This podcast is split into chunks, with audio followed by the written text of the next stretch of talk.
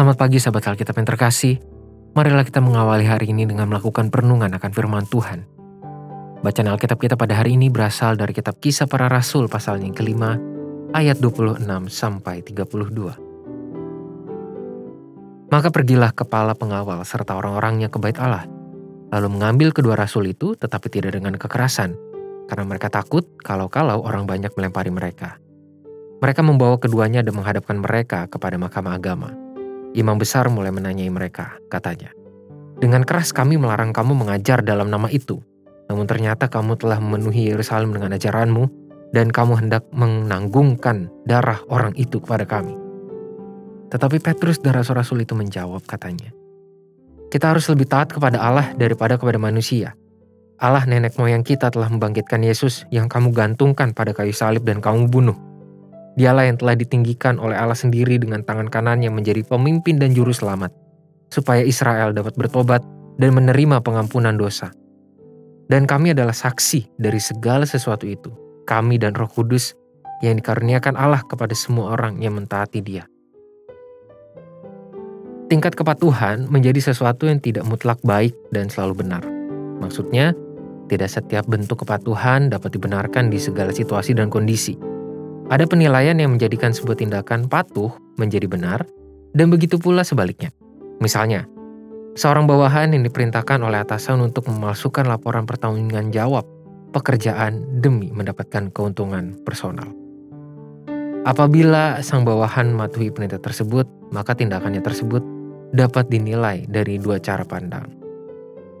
Pada satu sisi, dari perspektif si atasan, Tindakan si bawahan adalah hal yang benar karena tidak melawan perintahnya.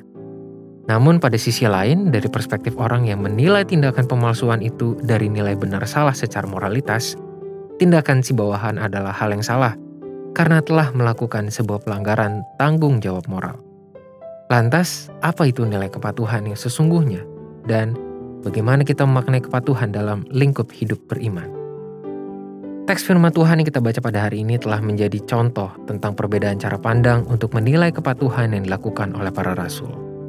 Menurut para pemuka agama Yahudi di kota Yerusalem masa itu, kepatuhan para rasul terhadap mandat Kristus untuk menjadi saksinya merupakan sebuah pelanggaran yang melawan otoritas mereka sebagai pemimpin keagamaan.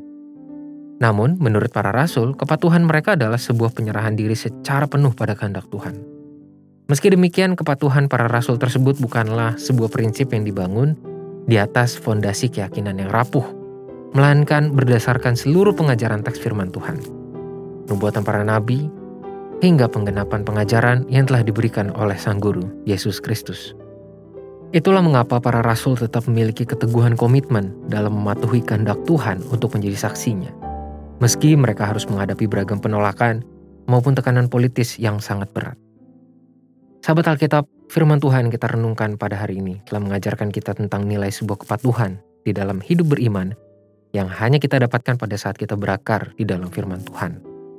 Kita perlu sungguh-sungguh memiliki relasi yang intim dengan Tuhan melalui setiap pembelajaran firman Tuhan, ritus peribadahan, hingga beragam upaya pemaknaan nilai-nilai kebenaran firman yang mewujud dalam tindakan-tindakan keseharian.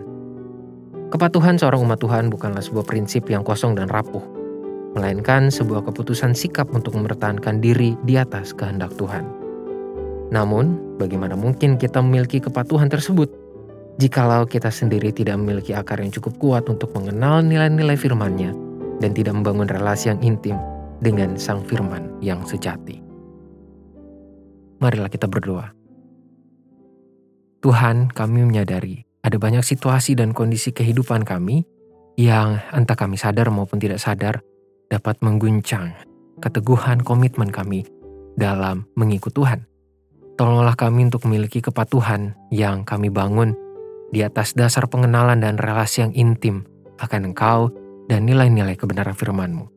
Tolonglah kami untuk terus menjadi saksi Tuhan. Hanya di dalam nama Tuhan Yesus kami berdoa. Amin.